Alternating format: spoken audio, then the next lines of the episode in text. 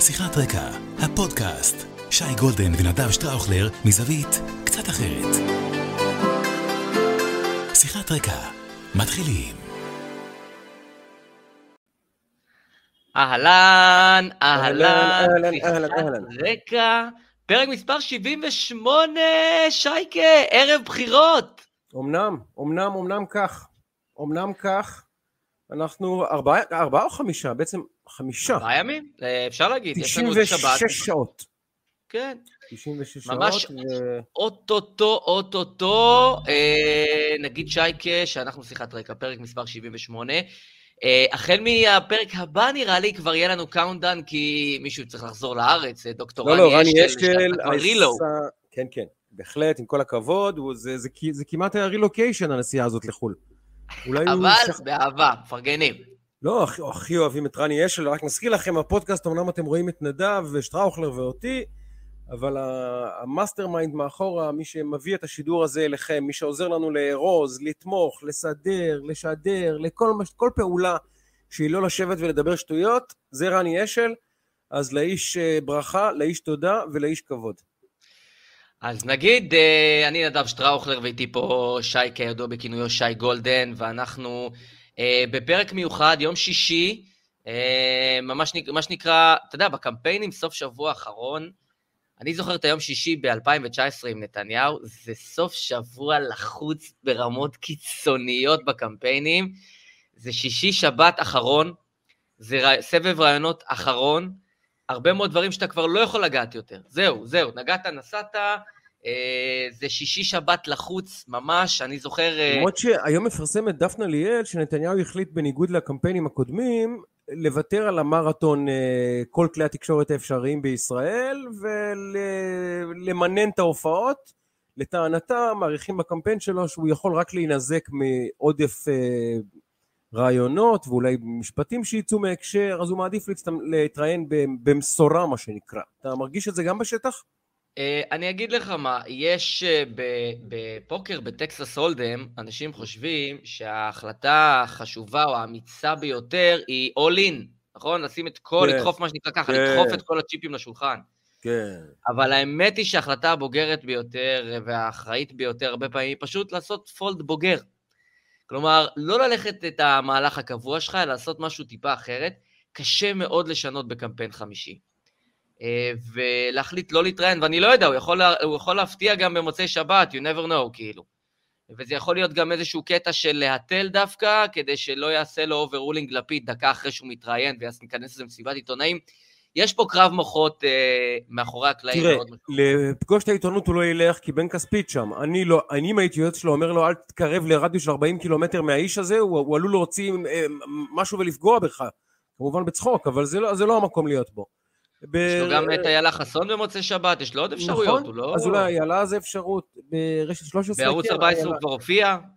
הופיע גם בוועידה, גם אצל מגי טביבי. אגב, אתה יודע מה, בוא, בוא, בוא נעשה את הפתיח הרגיל ואז נדבר על ה... ננתח את זה. אז כן, בואו יש נגיד- לנו הרבה על מה נגיד- לדבר. נגיד שלום לכל הצופות והצופים והמאזינות והמאזינים ואנחנו מקווים שאנחנו בעיתוי מצוין כי זה אמנם הבוקר כזה וזה עדיין לא תחילת בישולי החג אז מי שהתחיל עכשיו לבשל, לסדר, לנקות, ל- לעשות את כל הקסם הזה שעושים בבית לפני שבת אני מקווה שאנחנו איתכם. נדב שטראוכלר, אה, חברי, אחי, ידידי, אה, יועץ התקשורת בעיניי אחד מהטובים בארץ, אני לא רוצה להגיד הכי טוב, אבל אני באמת פגשתי את כולם. אין אחד שאני לא מכיר. זוטרים עד הבכירים, אגדות ב- ב- ב- ב- בחייהם ועד אה, אנשים שהם פייק, נדב הוא ברמה אחרת. אה, נדמה לי שגם מי שמכיר את הפורטפוליו של התיק שלו וההישגים שלו והלקוחות שלו יודע שזה נכון, הוא גם עבד עם מר נתניהו בקמפיין מספר אה, אחד. וזהו, אז אנחנו זכינו, באמת, אני זכיתי בו וגם אתם זכיתם בו בתובנות שלו.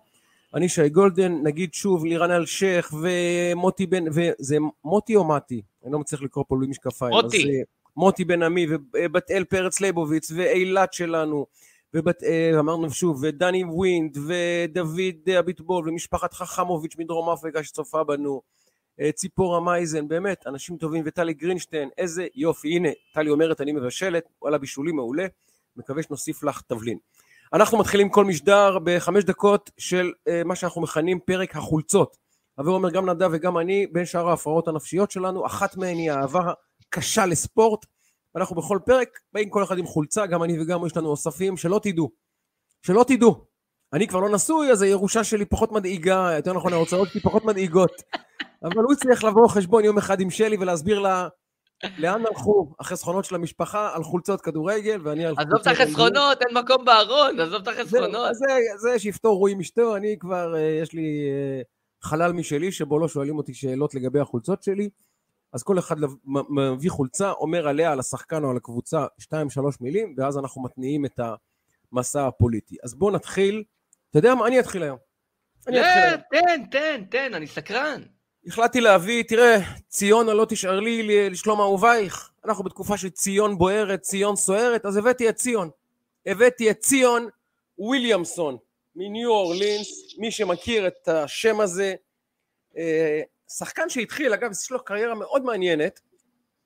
הוא התחיל בגיל 14-15, שחקן כדורסל NBA, ניו אורלינס פליקנס, קבוצת NBA כמובן.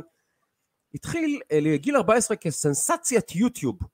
הוא, הוא טפח לממדים, אה, נשתמש במילים נעימות, אה, מפלצתיים, זה נעים לעומת מה שאני יכול לומר.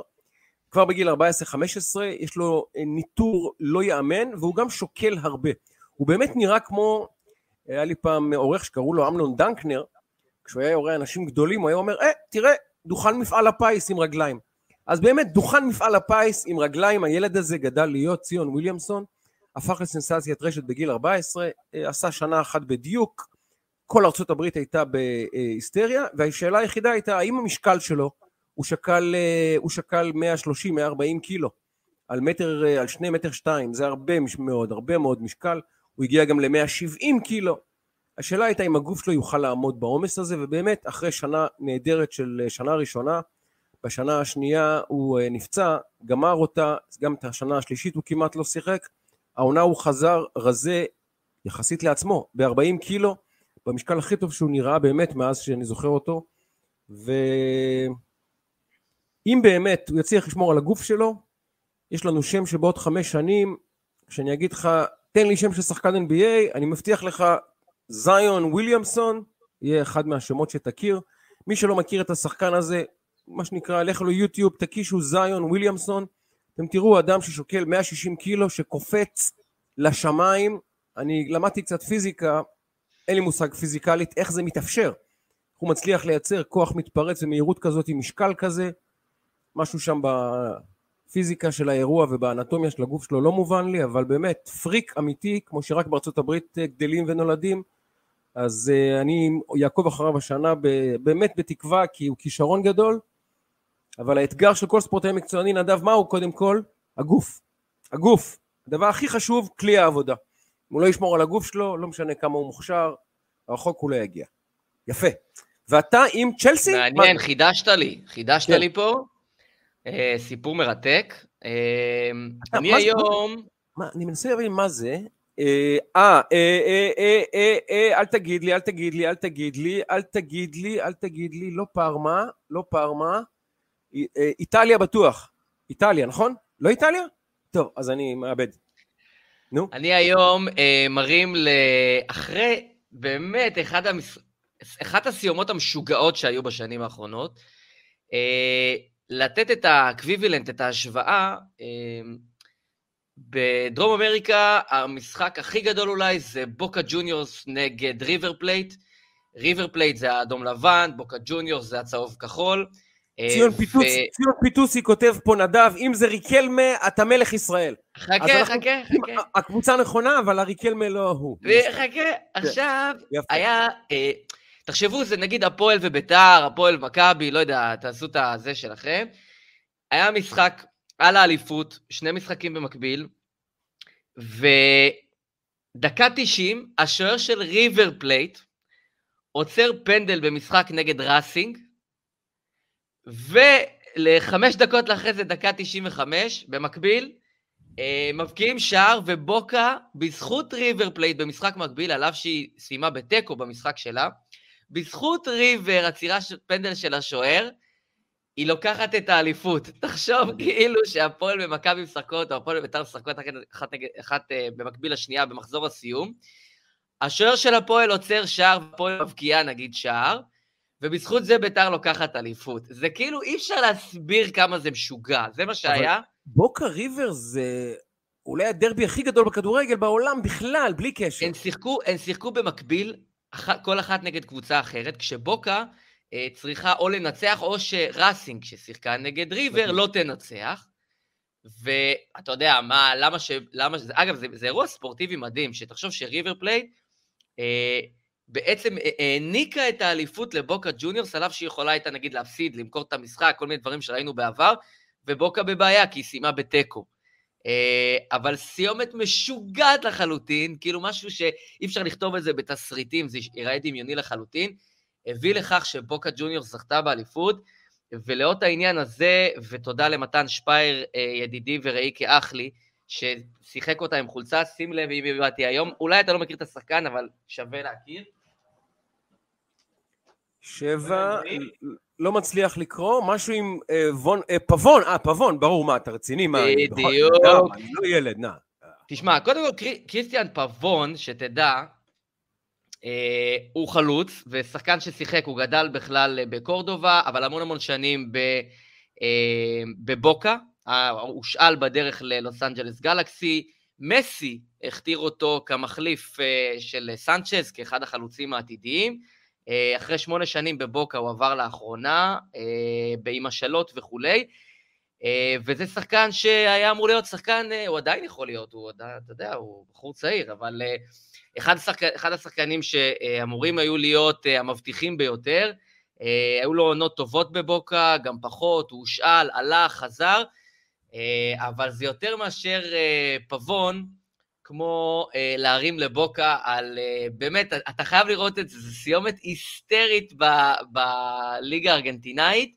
יותר דרמטי אה, ממנצ'סטר סיטי בשעתו, עם הגוורו, עם הגול הזה של, אתה יודע, בדקה 89 אתה מקום שני, ודקה 91 אחרי שני גולים אתה אלופת אנגליה, היסטורית. יותר דרמה מזה, אני לא זו... זה הדרמה הכי גדולה שאני ראיתי, אני חושב. תחשוב ש... תחשוב ש... אה, שריבר, השוער שלהם עוצר פנדל דקה 90 והם מבקיעים שער דקה 95, ובזכות זה, תחשוב מה קורה, מה שנקרא בבונבוניירה, זה האיצטדיון של אה, בוקה ג'וניורס, אחד המראות הגאוניים, זה של אה, מרדונה תמיד שם משתולל בתא שלו, זה איצטדיון משוגע, בונבוניירה, זה איצטדיון שאני מת להיות בו. אז...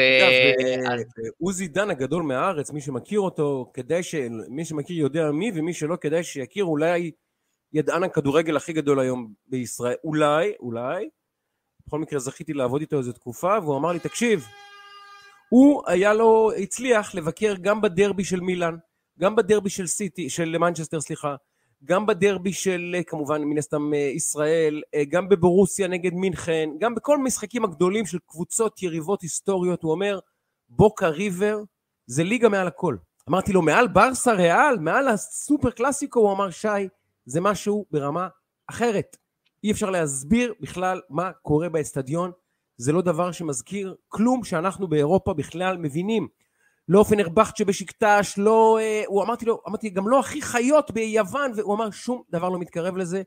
זה אירוע שאי אפשר לשכוח אותו בלי שום קשר למה שקורה על המגרש. רק ביציע אתה פשוט לא מאמין מה שקורה שם.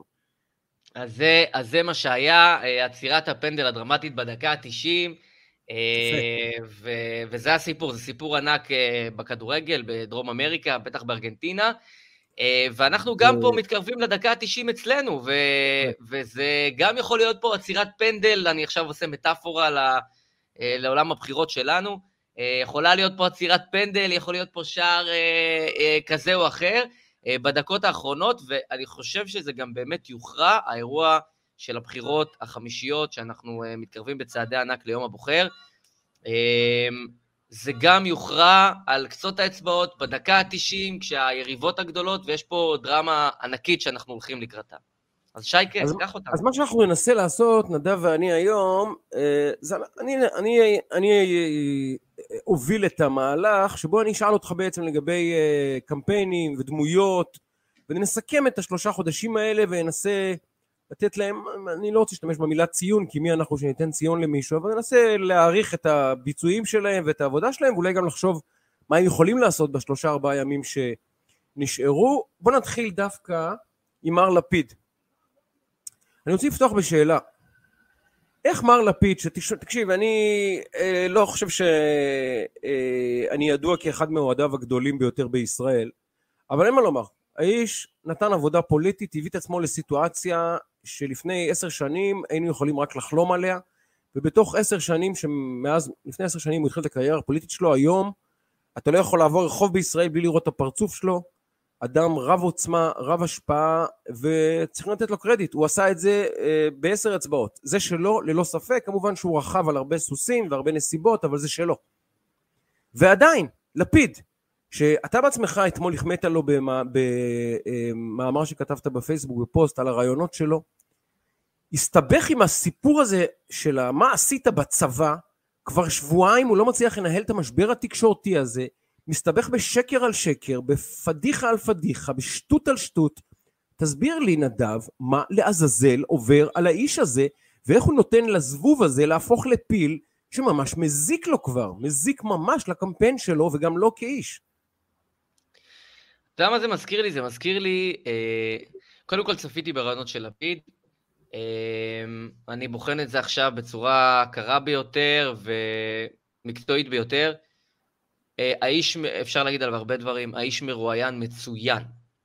אני, אם הייתי קמפיינר שלו, הייתי מתברך במרואיין אה, שכזה, שיודע לבוא ולהתחמק משאלות ולנווט ולתת מה שאנחנו קוראים הוק.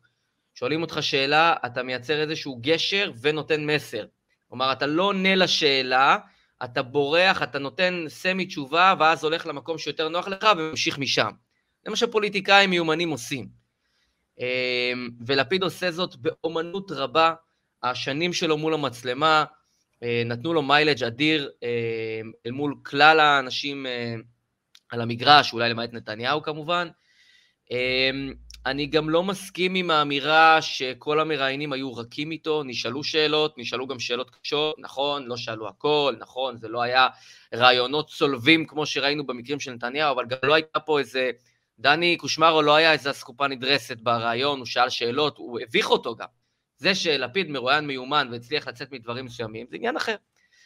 Uh, היו שם כמה דברים שהוא לא הצליח uh, לצאת מהם. הסיפור של מיכל שיר זה היה די מביך למי שראה. ממש. Uh, הוא לא הצליח לתת אף תשובה חכמה על הנושא הזה, וזה היה די מביך, וגם הרעיון הסתיים בזה, אז זה הותיר איזשהו אקורד uh, לא נעים בהקשר הזה. אבל הסיפור המרכזי, והוא סיפור כל כך שולי, כי הרי דיברו שם על סוגיות uh, מהות, זה הסיפור, השירות הצבאי שלו. ולי זה מאוד הזכיר את ההסתבכות של בנט עם כל הסיפור של הבית שלו. כאילו, גם אצלו, גם אצלו, סיפור שהוא לא משהו שעכשיו הבן אדם, זה מהות התפקיד שלו, איזו שגיאה במהלך אה, שכרגע קורה, הסכם הגז, תגיד, זה גרוע, זה, זה אסון, תגיד, אוקיי. אבל זה אירוע שולי באופן יחסי, שהתנפח לממדים אדירים בגלל ניהול לא נכון של האירוע. היקף התשובות שהוא נתן לזה, לפעמים פוליטיקאים אומרים דברים, אומרים יאללה, כלאחר יד, הם אומרים את זה, זה לא, זה לא יסתובב אליי, זה לא יגיע. ופתאום אתה רואה את היקף הגרסאות של יאיר לפיד, אם ירו עליי בלבנון, ורימוני עשן בצולבת, ונ"מ, ושריון, אתה אומר, אוקיי, אדם מיומן שכמוהו, נניח שנקלעת על הדבר הזה כי אמרת שטויות לאורך השנים, בסדר? כמו הקטע הזה שהוא אמר, ירו עליי בלבנון, בסרטון שהוא הוציא, שואלים אותו על זה במסיבת עיתונאים, והוא אומר, מה, אני לא יודע על מה מדובר. על מה אתה מדבר? על מה אתה מדבר? אז אוקיי, אז כבר הבנת עכשיו שכבר זה לא איזה גליץ' קטן, זה איזה אירוע. כל המראיינים שואלים את, ה, את, ה, את השאלה הזאת. תכין גרסה מסודרת. במקום זה, מי שיסתכל ויסתכל על הרעיונות שלו, יש לו תשובות אה, מאוד מאוד מוכמנות לשאלות קשות, שהוא עונה אותן בצורה, אותה צורה בכל הרעיונות. גם בטונציה, גם במה, גם באיך, איך שאתה לא הופך את זה, הוא מאוד על המסר, כמו שאומרים, ממש על המסר. ופה, תשים לב, ואני כן, צפיתי בכל בשפ... הרעיונות. בשפת הגוף, אתה ממש רואה אותו מתחיל לנוע בחוסר נחת במקומו. זה ממש אתה בולט. רואה כמה דברים, גם ב-12 וגם ב-13, כשהשאלה הזאת עולה, הוא לוקח כוס מים. לא באופן uh, מתוכנן, באופן אינטואיטיבי, כלומר, הוא כן. חושש מהשאלה, זה מובהק, זה תל, כמו שאתה אומר, זה תל על אני אגיד, השולחן, לך, אני אגיד. לך יותר מזה, נדב, כשצפיתי ברעיון אמרתי, כשהוא הגיע השאלה על הצבא, היה נדמה שבעצם הוא כאילו חיכה כל הרעיון רק לש... כל השאלות האחרות היו מין אה, איזה מסביב לאירוע, הוא חיכה כל הרעיון לשאלה הזאת, הוא גם הכין, בשפת הגוף שלו הוא היה מתוח לקראת השאלה, וכשהיא באה, התגובה הרגשית והגופנית אה, מתואמות, אין מה לעשות, אי אפשר להסתיר את זה. זה קצת כמו פוליגרף, כאילו, אתה יכול להכין כן. את עצמך, בסוף יש דברים פנימיים שיוצאים החוצה. עכשיו, אני לא, אתה יודע, זה, זה נשגב מבינתי, כאילו, הדבר היחיד שאני יכול לחשוב עליו, שמביא אותו לנקודה שבה שאלה כה פשוטה, אין אדם שמאזין לנו עכשיו, צופה בנו, יצפה בפרק הזה, שלא יודע לא. מה הוא עשה בצבא. אחי, כאילו, מה זה לא בצבא? שאלת... אבל בסדר, אנחנו יודעים שהוא שיקר לגבי זה, ועכשיו הוא הוא נתפס בשקר, והוא התחיל להסתבך בשקרים, ועכשיו הוא באירוע שבו הוא שיקר, הרי מה, מה אה, נעשה פה סוגריים ואתה תמשיך. גלעד צוויק נותן לו, אה, שולח לו שאילתה מטעם ערוץ 14, גלעד צוויק של ערוץ 14, אה, מה, מה עשית בצבא? אז לשכת ראש הממשלה מוציאה לצוויק מסמך שאומר לו, של הלשכה, הוא היה בשריון, בלה בלה בלה. בערב הוא נשאל אצל קושמרו, מה עם השריון? היית בשריון? הוא אומר, לא, לא, זה ליכודניקים המציאו את זה. עכשיו, אחי, ביום, אתה בבוקר מוציא, לש... הלשכה מוציאה מסמך, בערב אתה מכחיש את, את, אצל קושמרו ואומר, זו אגדה של ליכודניקים? תסביר לי את, ה, את הפדיחה הזאת, את החובבנות הזאת, מה זה, איך זה קורה? לא להערכתי, מבין. להערכתי, אה, אני לא יודע, מה שאני אומר עכשיו אין לי מושג, וזה לכאורה, להערכתי קרה שם משהו שהוא לא כשר. אני לא יודע להגיד לך מה. משהו שם קרה בשירות הצבאי שלו, שאו שהוא ממש אה, מתחבא בו, מתחבא ממנו, אני לא, אני לא יודע להגיד לך אפילו מה. אין שום סיבה להגיע לנקודה שבה כבר אתה כבר, אתה יודע, אתה כבר, זה, הפכת את זה, מינפת את זה לסיפור ענק. ו- ו- ועוד להאשים את הקמפיין של הליכוד, נשמה, קח אחריות. מה אתה מאשים את הקמפיין של הליכוד? אתה עונה תשובות לא לעניין, אתה, אתה הרמת את הסיפור. להגיד, אני מאוד גאה בזה שזה הדבר היחיד שהליכוד מצא עליי לפני 40 שנה, לא, זה אתה הבאת את זה על עצמך, קח אחריות. עכשיו, אני חושב שיש פה משהו בשירות הצבאי שלו, שהוא מסתיר, אין לי, אין, אין, אין לי משהו אחר להגיד, משהו קרה פה. עכשיו, נכון שזה 40 שנה, ונכון שעבר הרבה שנים, אבל שירתו אנשים בצבא באותו זמן. זה מישהו עוד יכול להציף את הנושא הזה. ולכן אני לא כל כך מבין. אה, אז יש פה סיפור, בוודאות יש פה סיפור. אין, שפת הגוף, זה היה מובהק שיש פה סיפור. גם התשובות הסותרות, גם... ו- ואנחנו ערב בחירות, וזה רעיון הכי חשוב שלו, פחות או יותר, לקראת הבחירות, המקום שהוא יכול הכי להשפיע, הוא מסתבך עם הדבר הזה, ו... עד כמה אגב, מהבנתך, ובאמת, אתה באמת אה, מכיר סקרי עומק ומכיר ויורד לרזולוציות שמרבית האנשים, בטח עיתונאים ובטח הציבור לא יורד אליהם, עד כמה זה משפיע על המתלבטים דבר כזה? המשוכנעים זה לא מעניין, המשוכנעים גם אם הוא אה, יגיד הייתי הרמטכ"ל עשר שנים בין ששת הימים ל-78, אף אחד לא יגיד לו מילה, זה ברור, אנחנו מבינים את זה. אבל המתלבטים, עד כמה דבר כזה עשוי לה- להסיט אפילו שברוני שברירי אחוזים ממתלבטים ממנו למישהו אחר. אה, אני לא באמת חושב שזה משפיע, אה, הדבר הזה. יש משהו שאתה סוכם אותו, והוא כמה דברים ביחד, ואז עוד דבר ועוד דבר ועוד דבר, מביא אנשים לאיזושהי תובנה, וברגע האחרון זה יכול לעשות מה שנקרא קונברט להצבעה. להגיד לך שזה בלבד, כמשקל, משפיע? לא. אבל האם זה מטריד אנשים? אני חושב שכן. האם זה גורם לאנשים בצד השני, יכול להיות עוד, אה, להגיד, חבר'ה, צריך לעשות פה משהו? אני חושב שגם כן במידה, אבל זה קמפיין שהוא לא קמפיין רגיל, הוא קמפיין מצרפי. מבחינה קמפיינית הוא התקיים במשך עשרה ימים. כאילו היינו שלושה חודשים בטרלול, אבל הוא התקיים עשרה ימים, והשלושה, ארבעה ימים הקרובים, קל ב- בשבוע אחד כמה פיגועים הוא, ביצ... הוא ביצע בעצמו, ממש במו ידיו, במו ידיו, שלח את ליהי, אני לא שולח את ליהי לרעיון. אפילו אם אתה חושב שזה יהיה רעיון פינוק, היא לא מיומנת, היא לא מקצועית, היא יכולה לעשות, לפלוט איזה פליטה, היא לא ערוכה לאירוע כזה, בלחץ הזה, שכל מילה שהיא תאמר, תוך שעה תשרוף את כל הרשתות החברתיות, ובאמת זה מה שקרה. משהו, התסריט, זה חוק מרפי הראשון. בדיוק כשזה הכי פחות מתאים לך, הדבר שהכי חשוב לך שלא ישתבש, הוא ישתבש. זה חוק מרפי הראשון. וזה היה ברור שזה יקרה כשהוא שלח אותה. מה אתה שולח אותה לטלוויזיה בכלל לבד? אז נכון, הוא אמר יהיה בסדר, והוא שלח לידה כמובן יועץ תקשורת, ושראו שהיא מדברת, אבל היא עשתה לו פיגוע. ואז הפיגוע הזה שהוא עשה לעצמו, עם... הרי שבוע הוא הלך סביב הצבא הזה, הסיפור המקושקש הזה. הרי בינינו, מי זה מעניין איפה יאיר לפיד היה בצבא? זה לא מעניין אף אחד באמת. אתה יודע, ברמת הניואנס, הוא היה במחנה וביבי היה במטכ"ל. בסדר, יאללה, את מי זה מעניין באמת?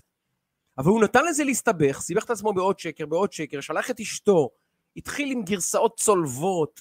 יש פה שם איזה אובדן עשתונות. אתה רואה... כל כך לא מתאים לדרך שבה הוא ניהל את המערכת שלו, שהיא מערכת נורא מתוקתקת.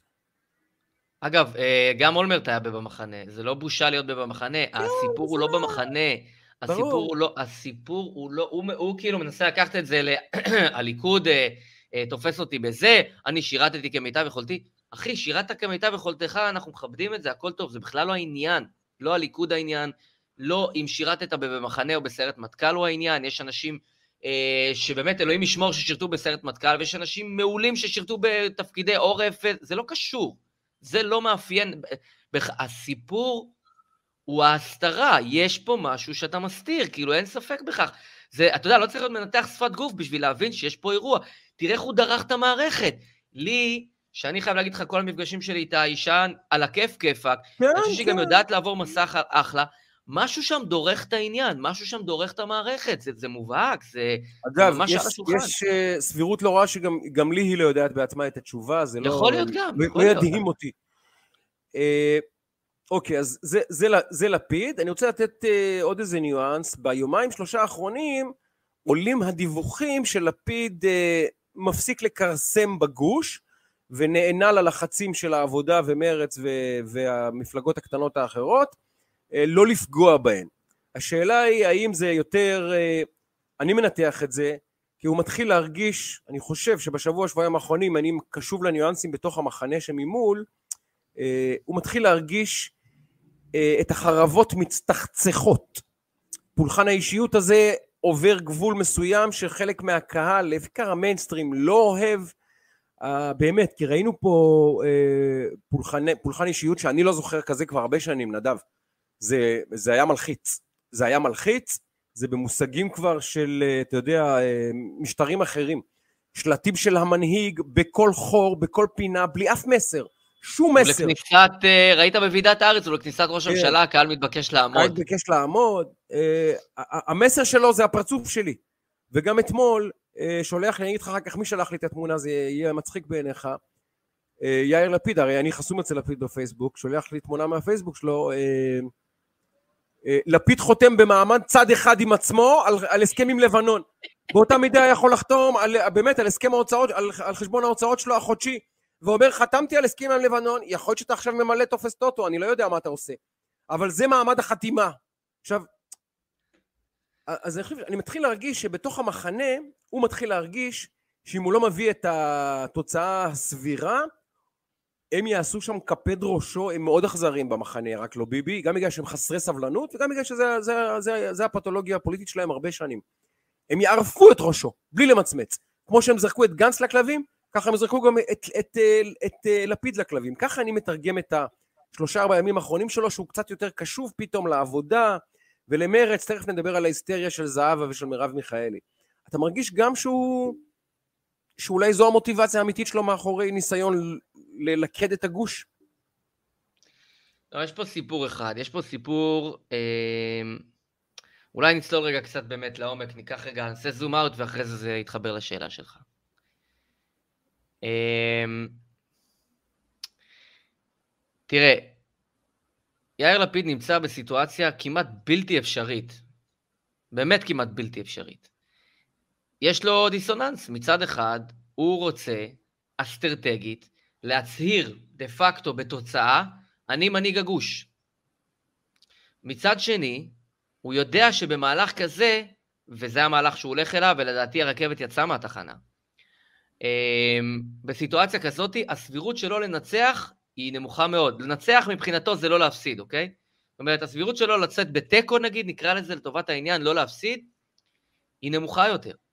וזאת, וזה, אני אומר לך, אני מכניס אותך לישיבה שהתקיימה כמה וכמה פעמים בשבועות האחרונים בקרב יאיר לפיד ויועציו, ויש לו יועצים מצוינים, והוא קשוב אליהם. אה, על מה אני רוצה לעשות שאני אהיה גדול? מה, אני, מה, מה הולך להיות פה אחרי המערכת בחירות הזאת? והם עשו ניתוח. האם יש לי סיכוי לנצח? אם כן, איך אני מנצח ומה הסיכוי שלי? מה הסיכוי שלי, והאם ככל הנראה אני מפסיד, ואז מה אני עושה? יאיר לפיד לא יגיד את זה, זה לא ישתקף ממנו בשום צורה. דה פקטו בהתנהלות שלו הוא בתודעת הפסד. אני נכנס עכשיו למשחק שמאחורי המשחק. לא בתודעת תיקו? תודעת הפסד? כי תודעת תיקו ותודעת הפסד זה משהו אחר. לא, לא, תודעת הפסד. בתודעת הפסד. אם הוא יעשה תיקו זה בונוס ענק, הוא בתודעת הפסד, לא במה שאתם רואים בתמונה, בדה פקטו ההחלטות שלו ובמשמעויות שלהם. זה עונה אחת, אני רוצה לקחת אותך לעונה השנייה ואז נחבר ביניהם. העונה השנייה היא, ודיברתי על זה פה כמה וכמה פעמים, לנהל, להיות, לעמוד בראש המערכת הזאת שנקראת מדינת ישראל, ולנהל קמפיין במקביל, זה אירוע מאוד מאוד מאוד קשה ומורכב. נתניהו שהיה מנהיג עם ניסיון שלא היה דבר כזה במדינת ישראל, אחד המנהיגים המנוסים ביותר בעולם, אוקיי? גם לא, מורכב לנהל מדינה וקמפיין.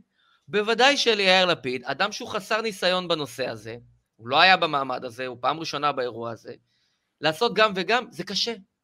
וכשאתה מנסה לנהל את שני הדברים האלה, דברים נופלים, או פה או פה. אני לא יודע מה כל הדברים שנפלו בניהול המדינה, אני לא יודע למנות אותם, אבל אני יודע כן להסתכל על ניהול הקמפיין. הסכמי העודפים שלא התממשו, הנושא של המפלגות הערביות, מרץ ועבודה, כל הדברים האלה, זה תוצאה של חוסר יכולת לנהל את שתי המערכות גם יחד. כי אם הוא היה רק מנהל קמפיין, הדברים האלה לא היו נופלים לו בין הידיים, אני מבטיח לך.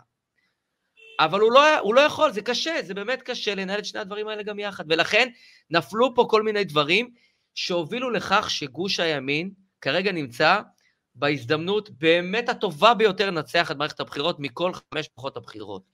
מה שקורה בצד השני, בוקה ומבולקה, אה, המפלגות שלא חתמו הסכם עודפים, המפלגות הערביות שלא הגיעו לדקה ה-90 ובעצם בל"ד, לפי כל הסימנים, לא תעבור את אחוז החסימה, ועוד כל מיני דברים שקורים שם, מעידים שהעונה הזאת של לנהל את שתי המערכות גם יחד, נכשלה בכמה דברים. אתה שואל אותי, גם הסיפור של הסיפור הצבאי הוא חלק מהעניין הזה.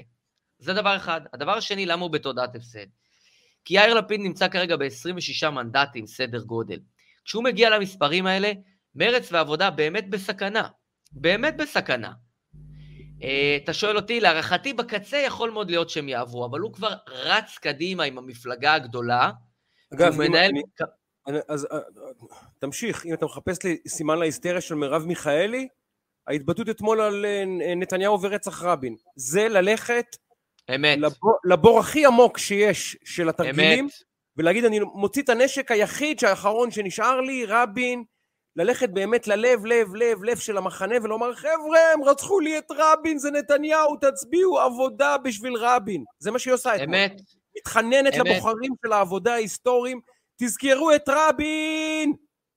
זה מה שהיא עושה, ממש. נמצאים בגוואלד שהוא כבר חוצה את רף הטרלול, אתה שואל אותי, אה, ופגשתי אה, אמש גם את אה, גבי לסקי ממרץ, באופן אקראי בוועידת ישראל היום, הם בהיסטריה, התשובה היא כן, והם בטרלול מערכות כן, וזה נגרם מהמקום של ההחלטה של יאיר לפיד שהוא הולך עד הסוף. אני רוצה להיות המנהיג, אני רוצה להיות המפלגה הכי גדולה, והיא מה? ואתם יודעים מה, אם מרץ ועבודה לא יעברו, מגיע להם, זה בגללם, כי אני הפצרתי בהם להתאחד והם לא עשו את זה.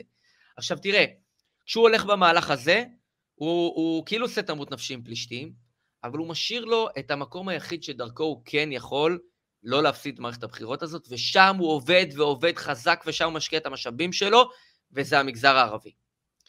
הוא הולך שם, ראינו את נתניהו בקמפ... בקמפיינים קודמים, אומר, תצביעו לציונות הדתית אם אתם לא מצביעים לי, כדי שהם יעברו את אחוז הזה. פה הוא לא אומר, לא, לא הולך למפלגות הערביות ואומר, תצביעו לי. הוא הולך למפלגות הערביות ואומר, תצאו להצביע. לכו להצביע, הוא לא אומר, תצביעו כן, לי. כן. כי הוא חייב את זה, כי זה המקום היחיד שדרכו הוא יכול אה, לא להפסיד. אם אחוז. אני נכנס עכשיו למפתחות להצלחה, אבל, אבל התודעה הזאת היא תודעה שחשוב שנבין. אה, לפיד מסתכל ביום שאחרי ואומר, אוקיי, אם הפסדתי, לפחות שיהיה מקובע שאני אה, אני השחקן החשוב ביותר בגוש, אני מנהיג את הגוש. זה לא היה ככה עד עכשיו. יאיר לפיד לא היה מנהיג הגוש. נכון. יאיר לפיד אמר הרבה דברים על השמאל, יאיר לפיד ניסה לשבור ימינה בהרבה מאוד uh, כיוונים. הוא היום מבין שהוא מנהיג הגוש, כל הקמפיין שלו, ההסכם עם לבנון, ארדואן, באו"ם לדבר על שתי מדינות, הכל הוא קורץ, למגז... נצרת אתמול, הכל הוא קורץ למגזר הערבי, כדי לעורר בהם את, את, ה, את היציאה להצבעה, כדי שהם יצאו להצביע, כי הוא מבין שאם הם מצביעים ב-40 אחוז, ומפלגה אחת, ואולי אפילו יותר, לא עוברות את אחוז החסימה, הוא הפסיד באופן חד-חד ערכי, אין לו דרך לנצח. ולכן הוא אומר, עם מה אני יוצא מהקמפיין הזה? אם אני מפסיד, אז לפחות אני יוצא מנהיג הגוש. איך אני מנצח? רק דרך המגזר הערבי. ולכן הוא לא שותה את מרץ ועבודה, הוא אומר, אני, הוא קמפיין מפלגתי. הוא אומר, מרץ ועבודה יסתדרו, יש להם את המצביעים שלהם. ובנתונים שלו הוא רואה אחוז הצבעה שלא מגיע ל-70 אחוז, הוא רואה אחוז הצבעה אה, לא גבוה במגזר הערבי, ולכן הוא אומר, הן יעברו. עכשיו, אם, שים לב לדיסוננס. הסיכוי הכי שהוא נצח זה אחוז, הגבוה, אחוז הצבעה יותר גבוה במגזר הערבי, אבל כשאחוז הצבעה במגזר הערבי עולה, או אם מגיע ל-60 אחוז, אחת מהמפלגות השמאל נופלת. מהיהודיות אה, ייפלו, כן. שזה דיסוננס מדהים, זה... אגב, זה... ואני אגיד, ואני אגיד עוד דבר. אם יש דבר שאנחנו יודעים, זה שאין יהודי אחד, אחד, שיודע לדגום, לזכור ולנתח באמת את המגזר הערבי. אחד. ומי שיגיד... לא רק יהודי, אני, אני אומר לך, לא רק יהודי, ברור. אני אומר לך שאין היום אדם בעולם... אין, אין. בק... דיברנו על זה פה. באמת, באמת, את המוזיקה שמתנגנת שם בתוך... מן הסתם בתוך ארצנו ומדינתנו, אצל שכנינו ולמדינה הזאת, אה, אחינו הערבים, הם לא יודע, אנחנו לא יודעים להבין אותם. אני, אני אומר לך, בערוץ 14 באופן אירוני, אגב, אנחנו מארחים כל יום, אה, אני מארח כמעט כל יום פרשן ערבי ישראלי. איהאב ג'בארין, אה, נאיף אבו סוויס, כל פעם, באמת, אנשים אינטליגנטים, ראויים, ואגב, הם, הם כל הזמן אומרים לי, הערוץ היחיד שהוא לא גזעני, זה ערוץ 14. מדוע? כי לכל מקום שאני מגיע, אומרים לי רק, דבר על ערבים ותניח לי חמש דקות, תגיד לי משהו על ערבי ישראלי ותלך. אתה היחיד ששואל אותי גם על לפיד, גם על נתניהו, גם על עניינים אחרים, ערוץ 14 היחיד שמתייחס אלינו באמת כאל פאנליסטים לגיטימיים. בכל מקרה, אומרים לי שניהם on ו-off the record, אז אמרתי את הדברים וזה בסדר מבחינתם גם, אז זה לא, אני לא מפר פה חיסיון. המגזר הערבי הגיע לנקודת הקצה של הסבלנות שלו כלפי הפוליטיקה של היהודים. אין להם סבלנות לזה, זה לא מעניין אותם, הם לא רוצים את זה, שיריבו היהודים מה שהם רוצים, יש להם בעיות עומק קשות מאוד של אלימות קשה ופשיעה במגזר הערבי, בעיות חברתיות קשות, יש מה שנקרא קנטוניזציה, מלשון הפיכת המגזר לקנטונים ואזורים, מאוד מאוד מדאיגה, מגזר בדרום, מגזר בצפון, מגזר במקומות כאלה ואחרים, הם מאוד מוטרדים מבעיות הומו קשות שלהם, ואנחנו עם המלחמות שלנו, ביבי לא ביבי, לא מעניינים להם את קצה אתה יודע מה. והוא אומר, אתה תראה את זה בבחירות. זה, זה מה שהם אומרים.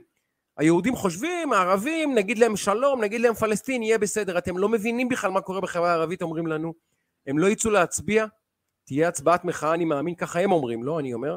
הם מאמינים שתהיה הצבעת מחאה, שהם פשוט יגידו לנו, תעזבו אותנו, אתם והיהודים והשטויות שלכם, תריבו כמה שאתם רוצים, אנחנו מתנתקים.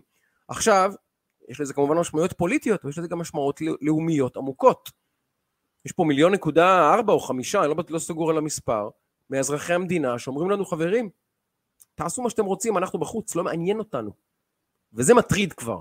מאוד. וזה מטריד מאוד. כי אם זה המסר שהם שולחים לנו, וזה המסר שאני אני אגב שומע מהם, אני מתנתק. תוכנית ההתנתקות של המגזר הערבי מהחברה היהודית לדעתי בעיצומה. ראינו את זה בשומר החומות, ראינו את זה בשנה האחרונה, ורואים את זה בעוד ביטויים. ובבחירות האלה יהיה מאוד מעניין שיעור ההצבעה שלהם, מאוד מעניין ללמוד, כי הוא ילמד לא רק על הפוליטיקה, אלא גם על המגמה של המגזר כולו ביחס ליחס שלו לדיאלוג עם החברה היהודית. כן, תמשיך. ש... אז, אז לכן אני אומר שכל הסקרים, אמרתי את זה השבוע באחת התוכניות, אמרתי שצחקו עליי, אבל לא צחקתי, הייתי רציני. עם כל הערכה לסוקרים, ויש לי הערכה רבה לסוקרים, אין להם מושג, אין להם שמץ של מושג. הם כרגע נמצאים באפלה. אני באמת, אני, אני כאילו, אני אומר, הרפיוטיישן שלהם פה על, ה, על הכף, אני, אני מאחל להם את כל הטוב, אבל אני חושב שהם רצים פה ב, ב, עם פלנלית על העיניים ועוברים מעבר חצייה, זאת זה, הרמה. אגב, אני רוצה שאתה תסביר לי, בתור איש שבאמת עובד עם סקרים ועם מכוני סקרים וכולי וכולי. כל בחירות, השיחה הזאת, אני ואתה מנהלים, ומנהלים בעוד 300 פודקאסטים ואולפנים אחרים. הכלי הזה הוא לא מהימן, לסוקרים אין, אין מושג, מתעוררים בבוקר ל, ל, ליום כיפור של הסוקרים, ועדיין חוזרים לסוקרים, ואותם סוקרים יושבים באותם אולפנים, אומרים את אותם דברים, רק כדי לשמוע אותנו, אומרים אחרי זה אין להם מושג, והם חוזרים לאולפנים שבוע אחרי זה לומר את אותם דברים. תסביר לי, אין איזה דרך אחרת לייצר אנליזות אה, מהימנות ברמה כזו או אחרת של מגמות, של תנודות, של, של, של הלכי רוח בקהל? רק הסקרים האלה, זהו, זה הכלי עבודה היחיד שהמציא המוח העולמי. הרי כל, מיליארדים מושקעים בבחירות, מיליארדים. אין כלי עבודה יותר טוב? קודם כל אתה רואה גם בארצות הברית,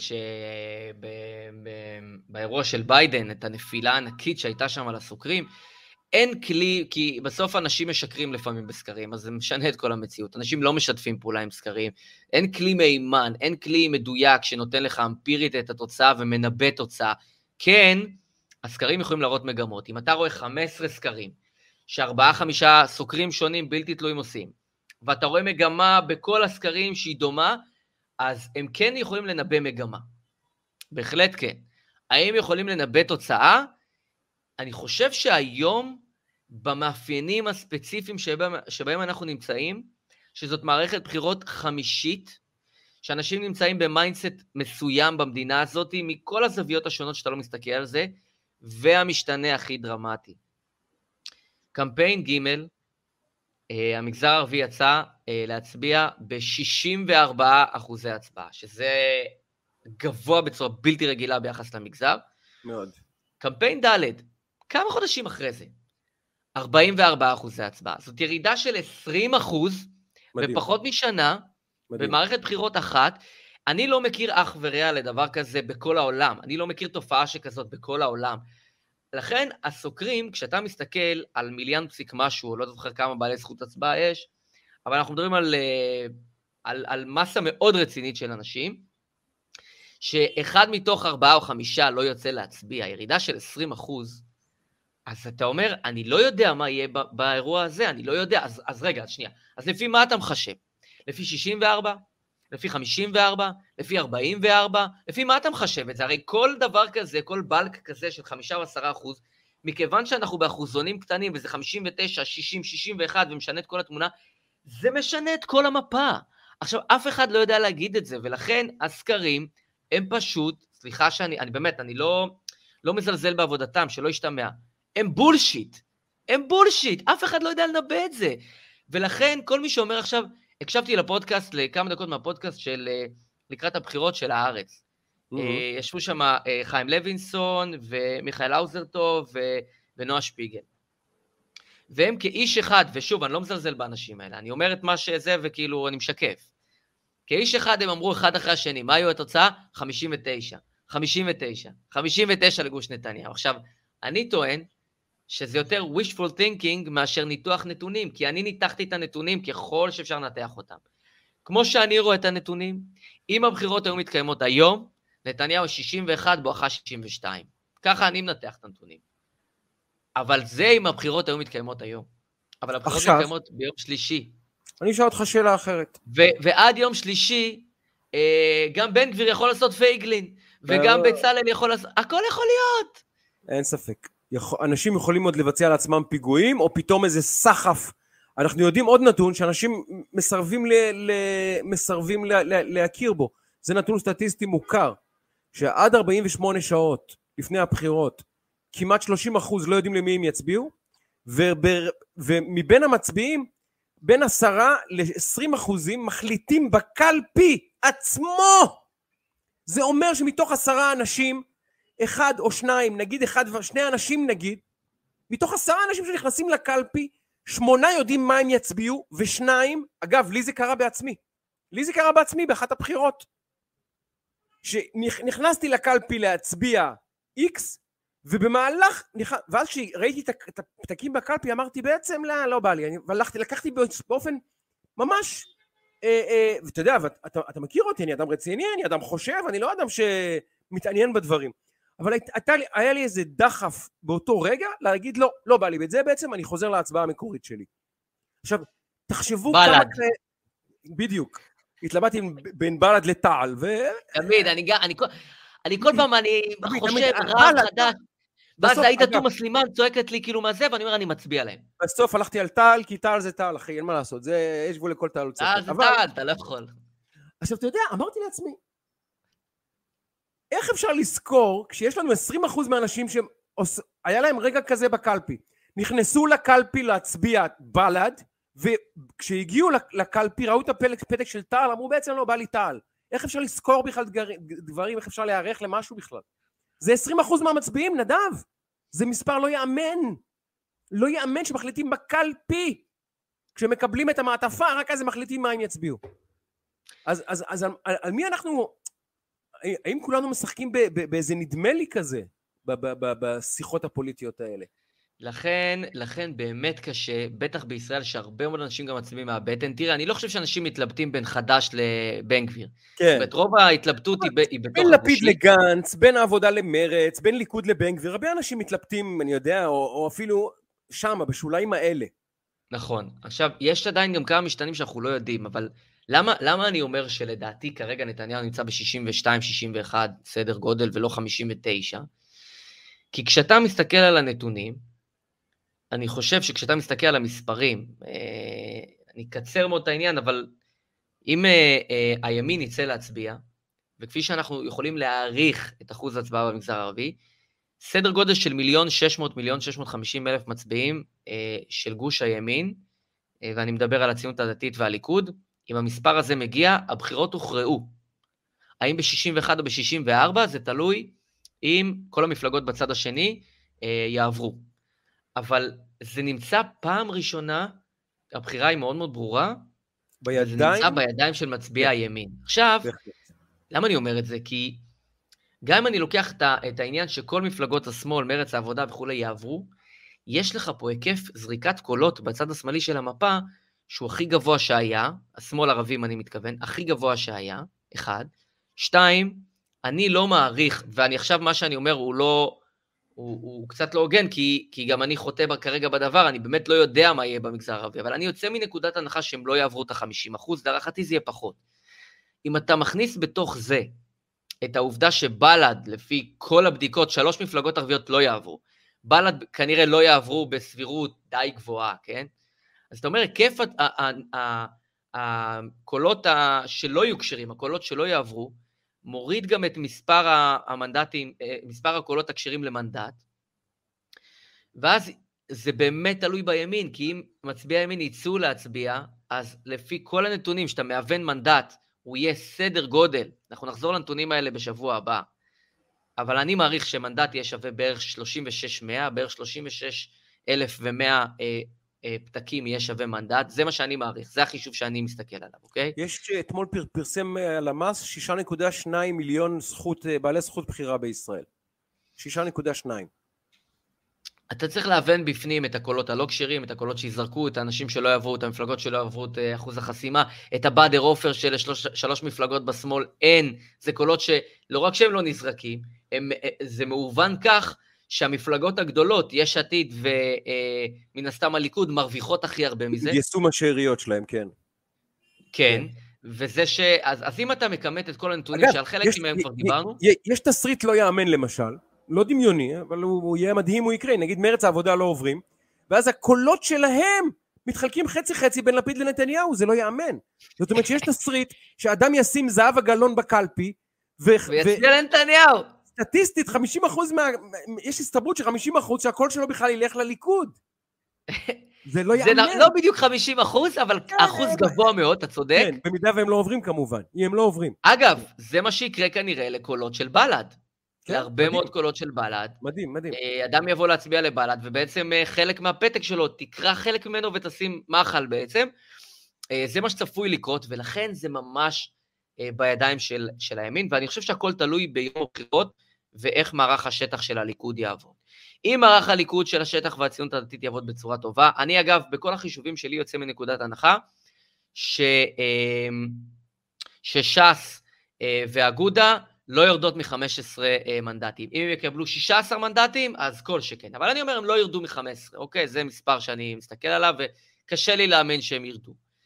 אה, ו- ולכן, זה ממש תלוי בימין. אנחנו גם עוד לא יודעים אם יהיה גשם ב- ביום שלישי הבא. אנחנו לא יודעים אם יהיה גשם למשל בשלישי הבא, אם לא יהיה, זה גם כן אירוע.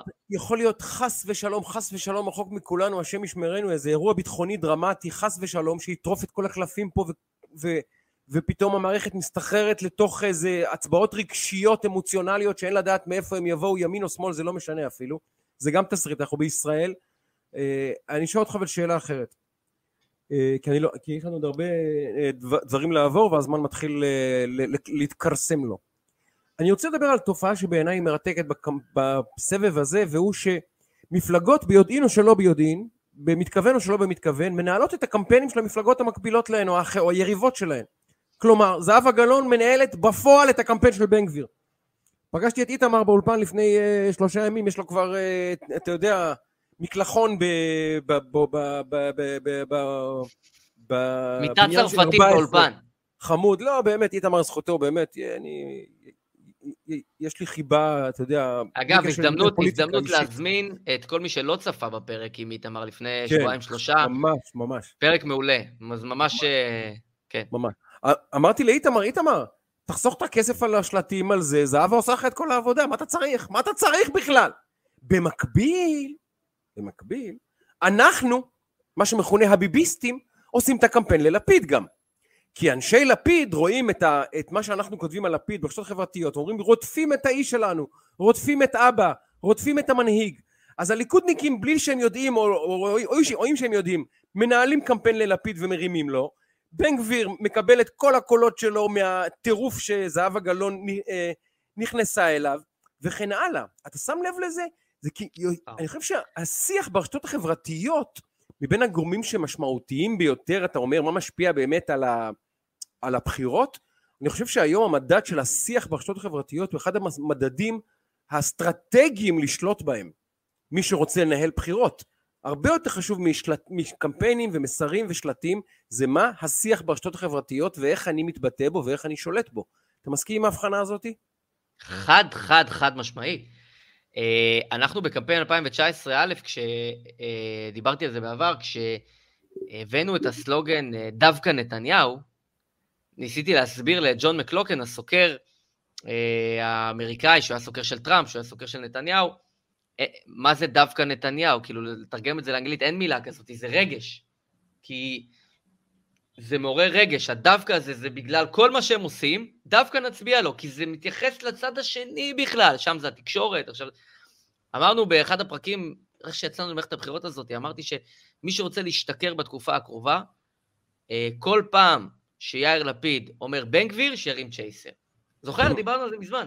כן, כן. והנה אתה רואה, כאילו זה, זה, זה, זה מובהק. אה, אה, ההתעצמות המשוגעת, ולא משנה מה יקרה במערכת הבחירות הזאת, אין ספק שאיתמר בן גביר הוא השחקן הכי דומיננטי במערכת הבחירות הזאת, וזה לא משנה אם אתה בעדו, נגדו, זה בכלל לא משנה. הוא השחקן הכי דומיננטי במערכת הזאת, ויש לזה כמה סיבות. האחת זה נפתלי בנט, בעיניי, קודם כל. הממשלה הקודמת, ברגע שאדם חופש כיפה, מנכ"ל אה, מועצת יש"ע, אה, ועוד הרבה מאוד דברים מהימין, הלך ו... הקים אה, ממשלה עם אה, מפלגות השמאל אה, הקיצוני, הערבי, המפלגות הערביות וכולי. בן אדם אומר, הלו, אני רס בן אמו, לא לוקח שבויים, אני לוקח עוד ימינה. רואים את זה גם בעולם, אגב, במדינות אחרות. אני לוקח עוד ימינה, למה אני לא לוקח שבויים? ולכן, אגב, ההבטחה הפרסומית הנכונה מאוד של הציונות הדתית, היא what you see is what you get. אתה, אתה, מה שאתה מצביע זה מה שאתה מקבל. זה פיצוח מאוד נכון ומדויק בעיניי. ולכן, ה, ה, זו, זו אחד, זה אחד, ממשלת אה, בנט, אחד, שתיים, יאיר לפיד ומפלגות השמאל שרק מרימות ומרימות ומרימות, הם, הם הקמפיינרים בעצם של, של בן גביר, בן גביר כאילו בתאוצה ממש. בזכותה. לא, לא, זה לא, זה לא יאמן, הם ממש העבירו אותו משבעה שמונה מנדטים ל-14, ואני אומר לך, אני לא אתפלא אם בבוקר הבחירות, נתעורר, או בוקר למחרת הבחירות, נתעורר עם ליכוד 28 ובן גביר 17-18. זה לא יפיל אותי מהכיסא. זה בעיניי תסריט ריאלי, אם אתה מסתכל על, הסח, על הסחפים במגמות בתוך המחנה. אני, קודם כל, תשמע, הייתי אה, אה, אתמול בבוקר, העברתי הרצאה בכפר גלים אה, אצל אה, שמיניסטים, אה, חן פרום הוא גם אה, מאזין שלנו ומנהל שם את כל הנושא של האזרחות, היה, היה מרתק. קודם כל כיף לראות חבר'ה צעירים, שמיניסטים, ולדבר איתם על פוליטיקה. אה, אם יש משהו שהוא בכל זאת אולי טוב טיפה בכל מערכות הבחירות התדירות האלה, זה שהנושא על הפרק, ואנשים מתעניינים, צעירים מתעניינים. אה, בן גביר, אגב, זו תופעה אדירה בקרב בני נוער. אדירה, מטורפת. אה, שאלו אותי על בן גביר יותר מאשר שאלו אותי על כל אדם אחר. ו... מה שמדהים בבן גביר זה שהוא הצליח למתק את עצמו, אני לא חושב שהוא התכוון לזה, כהצבעת מחאה. המון נכון, המון אנשים מצביעים נכון. לו נגד נכון. השיטה, כי הם רואים אותו בעצם נגד השיטה ונגד, ונגד, ונגד זה ש, של פרעות תשפ"א, נגד הביטחון כן. הפנים. נכון, אבל אני חושב שיש שם מרכיב הדר מוכתרי, כמובן שאי אפשר בכלל להשוות ביניהם, אבל... ברור. הדר מוכתר הייתה אמורה להיות הצבעת מחאה, ויש לי חבר שלמד איתי בתיכון והוא עכשיו מורה בבליך. למד, למדתי איתו בבליך והוא עכשיו מורה בבליך. אמרתי לו, ספר לי מה היה שם עם בן גביר. הוא אמר, אתה לא מבין, עומר אדם מתקבל בפחות התלהבות ממנו, אמרתי לו, איך אתה מסביר את זה? הוא אומר, זה מחאה. הם עושים, עושים את זה כדי להכעיס את המורים, להכעיס את המורים, להכעיס את הממסד, הם לא מאמינים לאף אחד, ומבחינתם להצביע לבן גביר, פחות מעניין אותם הדעות הפוליטיות הימניות או אחרות שלו, ברור שזה מרכיב גם, אבל יש, הוא אומר, המרכיב בעיניי הכי משמעותי אצל הצעירים, גם בצופי דן וגם בבליך שמחאו לבן גביר כפיים, זה מחאה נגד הממסד ומחאה נגד המבוגרים, ונגד הזקנים הציניים שמנהלים את העולם. אז הוא פשוט נכנס, הצליח באש, באופן לא יאמן למתק את עצמו כהצבעת מחאה. זה מדהים ממש. ותשים לב, אולי אתה יודע מה? זה ככה מזוקק פה תוך כדי. זאת אולי המילה הכי חשובה במערכת הבחירות הזאת, מחאה. כי בן גביר הוא הצבעת מחאה, ולא להצביע למרב מיכאלי מצביעי עבודה המון המון שנים, זאת מחאה כנגד, כנגד מרב מיכאלי. המגזר הערבים יצביע בהיקפים נמוכים, במספרי 40 נגיד, 40, זה מחאה. זה קמפיין מחאה, זה מערכת בחירות של מחאה. מוחים נגד אה, אה, סטנדרטים אה, וסדרי עולם ישנים כמו מפלגת העבודה, על אף שזו מפלגה ורצה וכולי, היא, היא, היא כאילו כמעט לא עוברת אחוז החסימה, כי יוצאים נגד מיכאלי. לא מאמינים בה, הולכים להצביע למפלגות אחרות, אנשים שהצביעו שנים. אה, בן גביר זאת הצבעת מחאה גם כן, מצביעים לו כנגד כל הדברים שדיברנו עכשיו. וערבים, אם לא יצאו להצביע, זאת מחאה. זה בעצם מערכת מחאה. זאת לא מערכת בחירות, זאת מערכת מחאה. זאת האמת. אז בוא נדבר כן על הסחף הזה בתוך הגוש שלנו, של בן גביר מתעצם, ותמיד ביום הבחירות יש סחף מסוים, איזשהו מומנטום לאיזושהי מפלגה, וכולנו מתעוררים להפתעה של הדרך השלישית, רפול, אה, מפלגת הגמלאים, כל פעם ביום הבחירות אנחנו המומים ממישהו. אני מניח שגם הפעם יהיה נתון שיפתיע אותנו. אני מעריך שזה יהיה המספרים הבאמת יוצאי דופן שכנראה יקבל בן גביר, שיבואו, אין מה לעשות, רק על חשבון הליכוד. האם, האם נתניהו חי עם הדבר הזה בשלום, או לחלופין, אני מעריך שבמידה, אני חושב, שאני, אני חושב שחלק מההצבעה לבן גביר בתוך הגוש שלנו, היא בעצם חישוק של נתניהו ימינה. והאמירה של הגוש של נתניהו אם אתה זומם לנו ויברח עם גנץ, אז התבלבלת. אנחנו נחשק אותך עם בן גביר. כי אם בן גביר עם 14, 15, 16, התסריט של גנץ כבר לא, לא ריאלי, אין מספרים. מספרים לא מסתדרים בשום עולם. אז נראה לי שנתניהו במידה מסוימת אמור לשמוח אם הגוש יקבל 61-2, אבל הוא לא רוצה ממשלה עם 16-17 בן גבירים שם.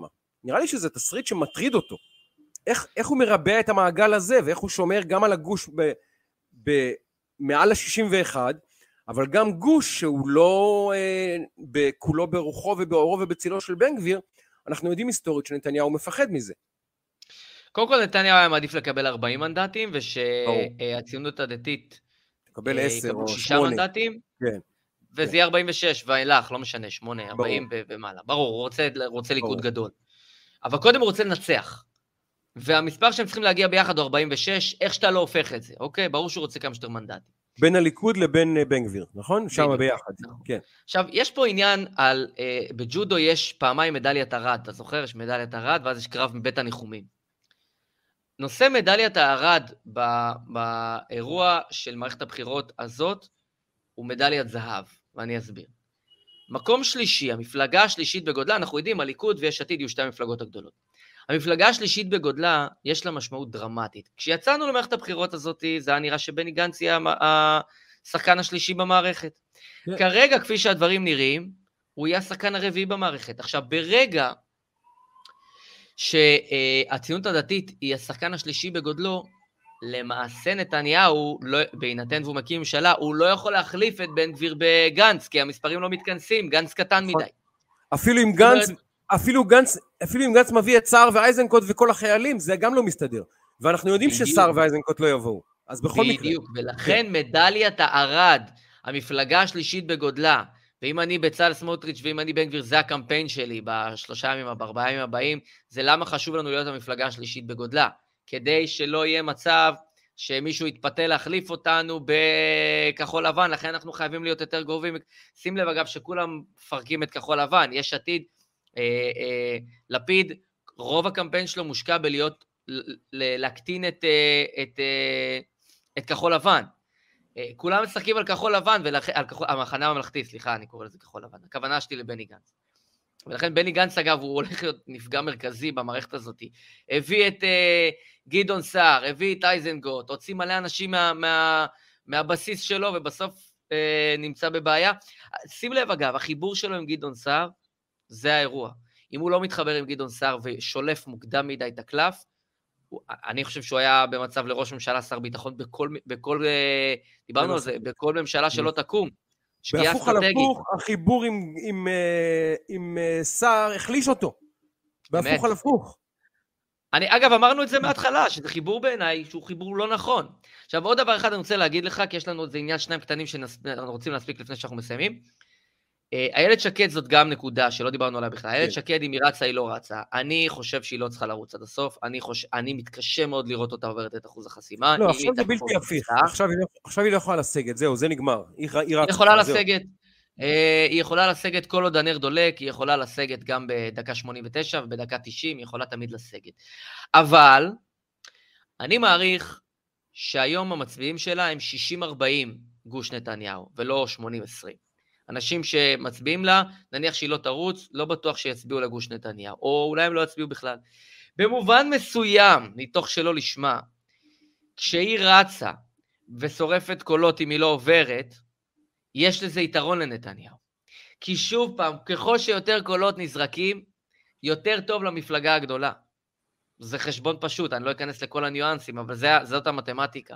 וככל שנזרקים יותר קולות, ואחוז ההצבעה הוא מסוים, אבל הקולות הכשרים הוא נמוך יותר, זה עוזר למפלגה הגדולה.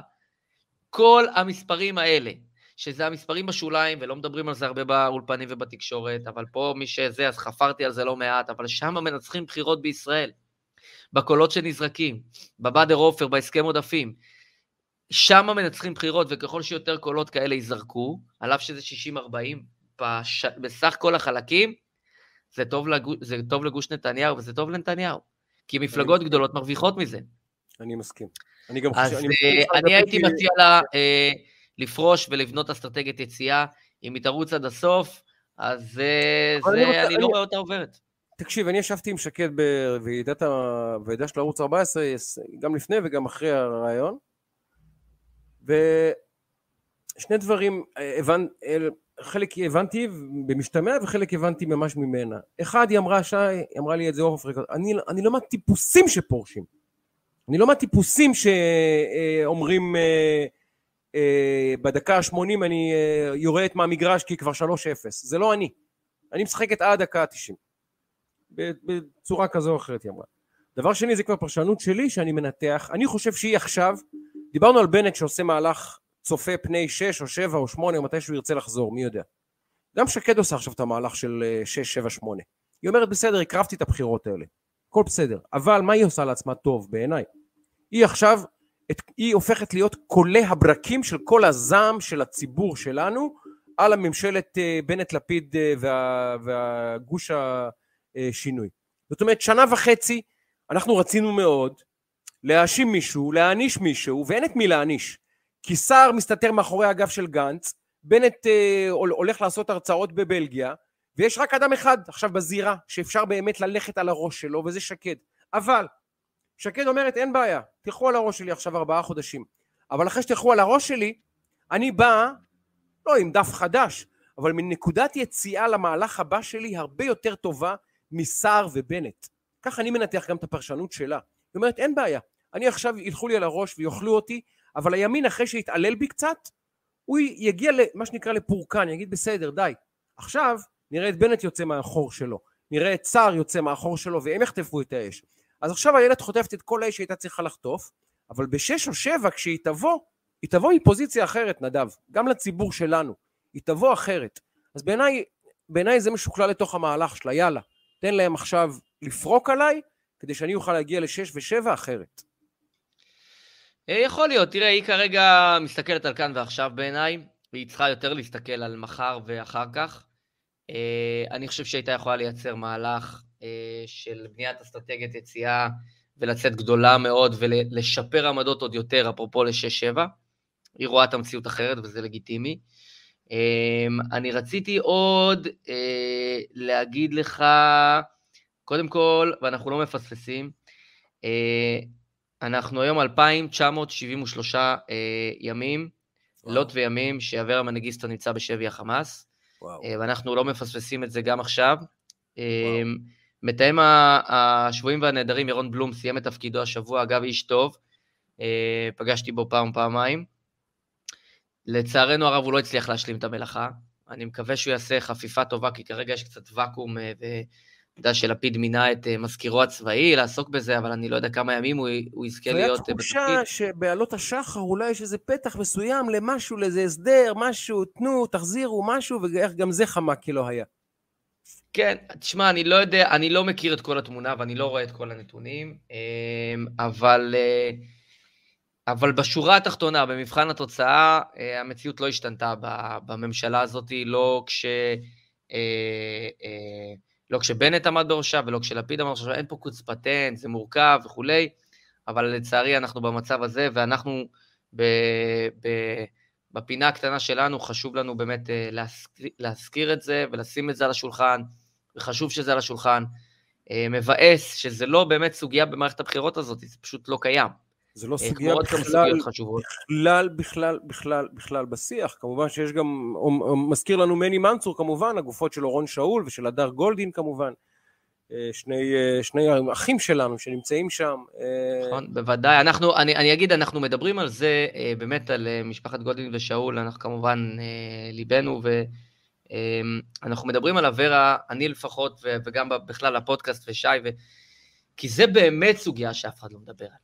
זאת באמת סוגיה שאף אחד לא מדבר עליה, זה, זה לא נמצא באף מקום, זה לא צף, ואנחנו פה לא מדברים כרגע על האם להחזיר מחבלים או לא להחזיר מחבלים, אנחנו אומרים שיש פה בסוף משפחה ובן אדם, אה, שאנחנו מכירים את מצבו המנטלי והנפשי שבו הוא חצה את הגבול.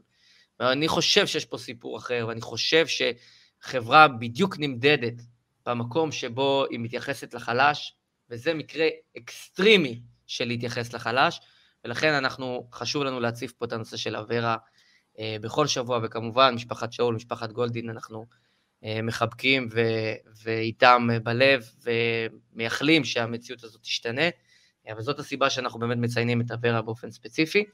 אה, ובאמת ירון בלום סיים את תפקידו, ואנחנו מקווים שהוואקום הזה יתמלא מהר. רציתי לשאול אותך, אם אתה רואה תסריט שבו באמת קמה ממשלה בראשות נתניהו כזו או אחרת אה, והמחאה, מחאת בלפור חוזרת לחיינו כאילו כלום ואנחנו שוב נכנסים לדבר הזה. אתה רואה את זה מתהווה מול העיניים? את הקרקס של הפגנות לבלפור כל שבת ו... חד משמעית. כל האירוע הזה. חד, חד משמעית, תרחיש סביר, ואגב, באותו עניין, דיברת קודם על מה שמדליק מה, אה, ואנחנו רואים, אה, זה חריג, ואני יודע, ואני כאילו, וזה יש אלימות בשני הצדדים, ויש שם אנשים אלימים בצורה קשה, גם מילולית וגם פיזית, לא כולם, יש שם הרבה אנשים טובים, גם, אני לא עושה הכללות.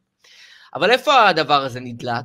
כשבא איזה פעיל אלים, מכל אחד מהצדדים, ולפעמים זה גם מהצד הימני של המפה, ודופק מכות לצד השני, ואז האירוע צף. ואתה אומר, איך, כמו שאתה אמרת קודם, שמרץ זה הקמפיינרים של בן גביר, אותו דבר זה יכול להיות גם הפוך. ולכן קצת שכל, קצת סובלנות אצל אנשים, כדי לא להדליק את התדלוקים, מה שנקרא. ו... וכל צד עושה את העבודת התדלוק הזה לצד השני, אנחנו חיים פה, אנחנו יודעים. אבל חד משמעית, אני, אני, אני חושב שכן, אין ספק שאם נתניהו יעלה, אה, אני זוכר את הפרצופים באולפנים ביום שטראמפ עלה, אם נתניהו יחזור לשלטון, תקשיב, השבוע היה המשפט שלו, אני לא רוצה עכשיו להיכנס לזה, כי זה, אנחנו נדבר על זה, אבל אני, זה יהיה חטא לא לדבר על זה לפחות משפט. אתה רואה את הנהג שלו, את הנהג של פאקר ושל, כן, אה, כן, ושל מילטון, מילטון על. הדוכן, כן. ועמית חדד, שהוא גם חבר וגילוי נאות וכולי, ועניינים, מפרק לו את הצורה, ב, לא באלימות כמובן, בטיעונים משפטיים. ההוא מה הוא אומר, חסון? אל תתחיל איתי, אל תבוא עליי. אומר לעמית חדד על הדוכן, תגיד לי, מה אתה, בש... מה זה? מה זה הדבר הזה? סותר לו את העדות, אני ממליץ לראות מונולוג של אראל סגל, שעשר דקות ממש מביא אחד לאחד, נתן מונולוג לפנתיאון, אראל אתמול שלשום, אבל אתה, התקשורת לא משדרת את מה שקורה שם. כי, כי, כי, כי זה מתפרק, אז זה לא מגניב, אז זה לא נעים, למה לשים את זה על האג'נדה? כאילו, אתה רואה איך הדברים מתפרקים אחד לאחד, וכלום. אז ברור שזה ברגע ש... ובהינתן שנתניהו יחזור לשלטון, אתה תראה פה חרבו דרב, זה מה שאתה תראה פה. ברור, מה, זו שאלה? ברור. אני... כי מצד אחד המדינה הזאת צריכה הכרעה כדי לשים סוף לקרקס. מצד שני, הכרעה שהיא ניצחון של נתניהו, אומר שהמדינה הזאת תיכנס אולי לסחרור הפגנות אלים על סף אה, אה, חס ושלום מלחמת אזרחים. אני אומר לך, אני מאוד מוטרד. אני מאוד מאוד מוטרד מהמגמה ברחוב, מה שנקרא, בישראלי. אני חושב שעם המגמה הזאת של ה... יש ממש הסללה של כל מחנה אה, לבידול בצד שלו. ניצבים פה ממש שני גושים, שני מחנות, אני לא רוצה לומר שתי מדינות, זו מול זו, ואם אנחנו נגיע לסיטואציה שהמחנה שלנו אה, יאחז בשלטון ב-62, 3, משהו כזה, 62, שלושה מנדטים, אני מאוד חושש ממה יהיה פה. אני מאוד מאוד מאוד מאוד חושש ברמה, ברחוב אני מדבר. מה יהיה פה, ב, ב, איזה חיים יהיו לנו פה לכולנו פה. חס ושלום, חס ושלום ליום שאולי יהודי לא ירים יד לפגוע ביהודי, אולי ייקח נשק ליד. חס ושלום, חס ושלום, חס ושלום. לפגוע ביהודי אחר, אוי ואבוי. אני חושב שאנחנו ממש דוהרים לעבר תסריטים מאוד מלחיצים ומסוכנים בתוך החברה הישראלית, ואני לא באמת יודע איך אפשר לצאת מהסחרור הזה, אני לא יודע, כי אף צד לא מוכן לוותר, וכל צד מאשים את השני, וכל צד יותר מתבצר גם בצדק שלו וגם בהאשמת הזולת במעשים שלו. אנחנו נכנסים פה ל... באמת, אנחנו דעתי דוהרים בעיניים פקוחות להתנגשות אלימה מאוד בין שני מחנות, ואני מאוד מודאג. אני מאוד מודאג, לא אשקר. אה, הדאגה במקום, ולכן, אה, ונסיים את זה, את ה pod שלנו ברוח אופטימית, צאו להצביע. צאו להצביע. וזה לא משנה מה, וזה חשוב, לא משנה למי אתם מצביעים, לא משנה מה אתם חושבים. אני, אני גם מוטרד מה... אתה יודע, אנחנו מסתכלים בראייה הצרה, אוקיי, שלא יעברו המפלגות הערביות, ואחר כך אה, שתהיה ממשלת ימין וכל מיני דברים כאלה, אבל בסוף אתה צריך ייצוג ו- ומחאה עד כדי לא לצאת להצביע ועד כדי להשאיר את המפה ריקה זה דבר מסוכן. נתניהו, אתה זוכר, דיברנו על זה פה, הוא לא, ב- הוא לא בעניין לכתחילה של ממשלת 61, אז הרי הוא הכניס את ליברמן, בוגי עד היום לא סולח לו, כי היה לו ממשלה צרה, הוא רוצה ממשלה שהוא יכול לנהל אותה יותר. ממשלת 61 אומר בחירות 7, אה, סליחה, 6 בעוד שנה, זה מה שזה אומר, בוא נהיה ישרים.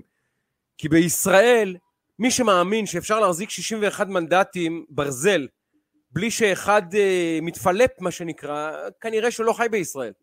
סטטיסטית, במשך שנה, מישהו יתפלפ אם זה מפלגה, ממשלה 61-62. נתניהו יודע את זה, אה, זה לא- אה, באמת, כמובן שאנחנו רוצים את הניצחון, אבל 61 אומר שהולכים לבחירות 6, גם כן, אם זה בעוד שנה, אם זה בעוד שנה וחצי, זה ברור. אז אנחנו אומרים לכולם אה, לצאת להצביע, אה, זה דבר חשוב מאוד. אני מקווה שלא יהיה גשם באותו יום, אבל גם אם יהיה גשם, חשוב לצאת להצביע, אין ספק.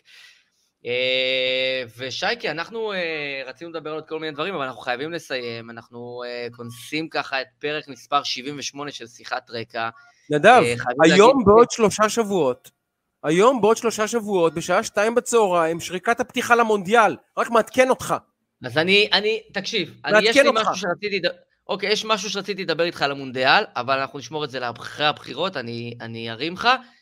אה, יש לנו הרבה על מה לדבר גם בעניין הזה, אבל נשמור את זה, נשמור את זה, אני לא רוצה לפתוח, כי יש לי, אה, יש לי מה לדבר בעניין, ואנחנו צריכים לנהל על זה דיון אה, מעמיק. פלוס, יכול להיות הפתעות, לא יודע. אבל, אה, אבל בוא נדבר על זה עוד בפרקים אחרי הבחירות. אה, מילה אחת על מכבי חיפה ועל השביעייה. אה, אני, יש לי מחלוקת עם חברי עטי שלו, פרשן הספורט של ערוץ 14, שאמר לי, שיחקו, באו, נתנו, חטפו שביעייה, הכל בסדר. אמרתי לו, בעיניי, השבע שתיים הזה עושה רע לכדורגל הישראלי ומחזיר אותנו קצת לאחור. נכון, זו פריס סן ג'רמן הגדולה, אחת הקבוצות הטובות והעשירות בעולם, אם לא הכי טובה והכי עשירה בעולם, נכון. ועדיין, אה, שבע שתיים הזה לא עושה לנו טוב, אני הייתי בא לפריז, אה, אה, לפריז, לא משחק אותה אבו עלי על אף אחד, לצאת משם עם שלוש אחד זה בסדר גמור, שבע שתיים לא עושה טוב לאף אחד, אגב גם למכבי חיפה לדעתי קצת מחזיר אותה אחורה, טיפה, טיפה. שמע, אה, אני כאילו מעדיף אה, קמפיין שבו אתה מפסיד גם משחק 1-7-2, מאשר קמפיין שאתה לא כובש שערים בכלל. אני מאוד מעריך את הדרך שבה ברק בכר בוחר אה, לשחק, ויזום והתקפי ושמח. בסוף זה לא הוגן, אתה רואה גם את השערים, זה כאילו, זה לא הוגן, זה, אתה יודע. אה, אבל אה, בקצה, קמפיין יפה מאוד, ואם יצליחו להגיע למקום שלישי, זו תהיה הפתעה אדירה. לא, אה, בכר וחיפה כבוד, רספקט, הערכה, כל הכבוד. שבע שתיים הזה, אתה ידעת שהפיגוע הזה מגיע? ידעת שהוא מגיע. מי שבא לפריז, לפריז ואומר, אני, אני אצא משם, אחי, זה, יש שם את הקפטן של ברזיל, הקפטן של ארגנטינה, והשחקן הכי טוב של אלופת העולם צרפת באותו מגרש. השוער של נבחרת איטליה, הקשר התקפי של נבחרת איטליה, ועוד לא, ועוד לא, אני רק בחמישייה, בחמישה שאני זוכר. זה נבח- נבחרת שבמשחק מחשב מרכיבים. ואתה עולה לשחק איתם כאילו שאתה מול מכבי פתח תקווה, אחי. לא, בעיניי זה... לא אבל, יודע. אבל תקשיב, זה כאילו, אתה יודע, לא יודע. הרי אומרים, זה לא הוגן לקחת אותם בפיפא, כאילו, כי זו קבוצה יותר מדי טובה. כן, כן. אה, אבל, אבל, אה, שמע, אתה זוכר גם אה, חיפה נגד יונייטד, אז עם יניב קטן ו- וברטז שהיה שם בשער, הם הפסידו נדמה לי 6-2 זה היה, 5-2, 6-2, ועדיין זוכרים את זה שהם הבקיעו שערים באולד טראפורד. בסוף הם הבקיעו שני שערים בפריז. לא הרבה קבוצות הבקיעו שני שערים, בוא, הם קיבלו שביעייה, הם קיבלו בראש, כן? אין, אין דרך אה, יפה להגיד את זה. אבל אני חושב שסך הכל אה, אחלה קמפיין. לא יזכרו דווקא את השביעייה הזאת בקמפיין, יזכרו, אלא אם כן הם ממש יביכו את עצמם בסוף. יזכרו קמפיין יפה, ניצחו את יובנטוס, נכון שהם בתקופה הכי גרועה שלהם בשנים האחרונות, אבל זאת עדיין יובנטוס. אה, והביאו תוצאות יפות, אז אני אמרתי, אני מפרגן להם, באמת אני חושב שבסוף הם. עושים דברים טובים לישראל בעולם. אה, בוא נקווה שביתר יצליחו לשמור על מקומם בליגה. נצליח. נצליח, הדברים מתחילים להתחבר לאט לאט, בעזרת השם, מוצאי שבת יש לנו הפועל חיפה, כל אחד יש לו את הצרות שלו. אה, אני, אני מרגיש טוב עם המצב שלאט לאט ככה מתחבר, אני אופטימי מאוד. ושייקה, בנימה אופטימית זאת, ברוח זו.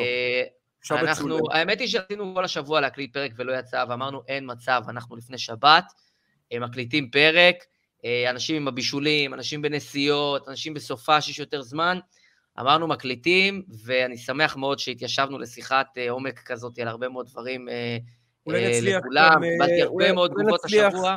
אולי כן? נצליח, אחרי, אחרי הבחירות בוודאי שנעלה, אולי גם ביום הבחירות נצליח לתת, כאילו אחרי התוצאות, בעשר אני מתכוון, או אחרי המדגמים יותר נכון, נצליח לתת כמה דקות, אבל ננסה לתת גם בשבוע הזה עוד, אה, עוד איזה גיחה אחת ככה, אה, לס- לסגור את העניין הזה של הבחירות.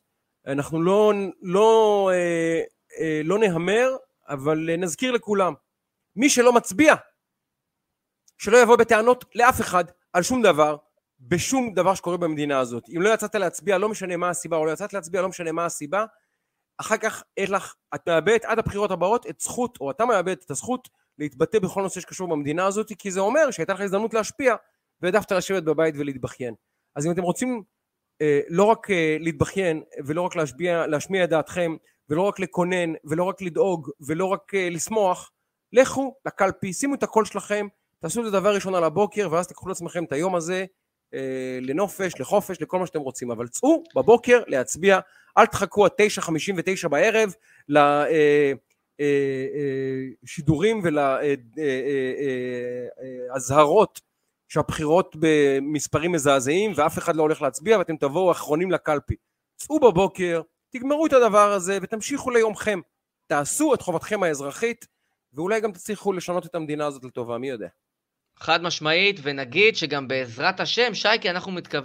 אמורים להיפגש ביום הבחירות גם. בעזרת השם, אה, באולפנים. במסגרת של, אה, של הטלוויזיה אצלך, בעזרת השם. אה, אני אעקוב אחריך כמובן במהלך היום, אני גם כן ככה אטייל בין הפנים בבוקר ואחר הצהריים ובלילה. אנחנו נעשה מאמץ גם כדי לתת משהו פה ייחודי משלנו ב...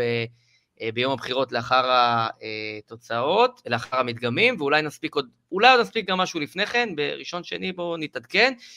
כך או אחרת, אה, אנחנו מאחלים לכולם אה, שבת שלום, בסוף שבוע נעים, ושיהיה שקט, ותהנו ממזג האוויר במקסימום, לא יודע כמה זמן זה עוד יישאר, ובחירות טובות, ובריאות לכולם. שייקה, איך, איך הגב רק? תן איזה עדכון שהכל תקין, מה העניינים? אגב, על הפנים. וגם ההרגשה היא שהפנים שלי נמצאות בגב ולהפך, אז הכל בסדר, זה כאילו... לא, קטסטרופה, אני פשוט מנסה להימנע מניתוח, אבל uh, כל מי שאומר לי, אני פשוט, כל מי שאני פוגש אומר לי, אתה צריך חייב לעשות ניתוח, וכל מי שאני, שפגשתי, שפגשתי שעשה ניתוח אומר לי, לעולם אל תעשה ניתוח, זה משנה את חיי לרעה, אז אני פשוט בצומת הזה של מה תהיה איכות החיים שלי, עם ניתוח או בלי ניתוח, זה ממש, שם אני, שם אני. נראה.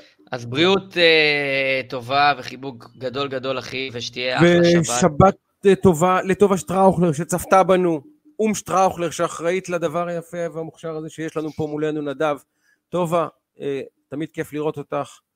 אה, זהו, הנה, גם, גם, גם פורטנייט אומרת לי, פורטנייט אומרת לי, אל תעשה ניתוח בחיים. כל מי שאומר ניתוח אומר, תיזהר! חס ושלום. טוב, חברים, שבת שלום. נדב. חיבוק גדול. אה, תודה רבה לרני אשל שחזר ארצה ומפיק אותנו ועורך אותנו כתמיד. נקווה שנצליח להספיק אה, להכניס גם את האינסרטים והפרק שיעלה בשעות הקרובות לפני השבת לכל מי שבעניין. אה, אנחנו כרגיל בגוגל פודקאסט, באפל פודקאסט, ביוטיוב, בפייסבוק, בספוטיפיי, באמת בכל מקום. אז uh, מי שלא הספיק בלייב, נראה לי שכל מה שדיברנו פה רלוונטי, בטח uh, בימים הקרובים. אחי, העברנו שעה ועשרים לאנשים, זה נחמד, למי שעכשיו עובד, כיף אדיר, כיף אדיר. כיף, תענוג, זכינו. כיף אדיר. יופי, אז אה, שייקי חיבוק גדול, אז אנחנו היינו שיחת רקע, פרק מספר 78, סוף שבוע האחרון שלפני בחירות מספר 5. אה, אז נגיד לכולם, שבת שלום, וסע למטה.